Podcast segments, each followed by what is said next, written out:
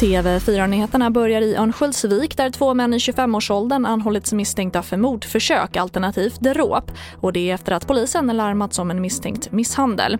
Och en person har förts till sjukhus.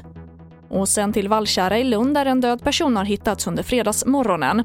Polisen har spärrat av området och enligt polisen rör det sig med största sannolikhet om ett sjukdomsfall men har ändå tekniker på plats för att utesluta brott.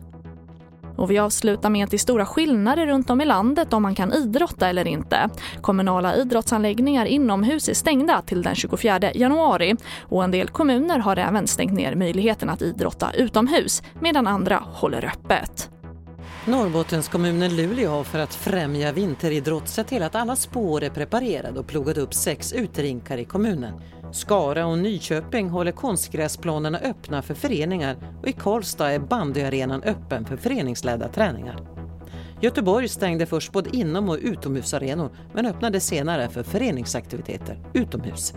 I Malmö är alla kommunala inom och utomhusarenor stängda och likaså i Stockholm. Och det sa reporter Katarina Lindmark som får avsluta TV4-nyheterna. Jag heter Charlotte Hemgren.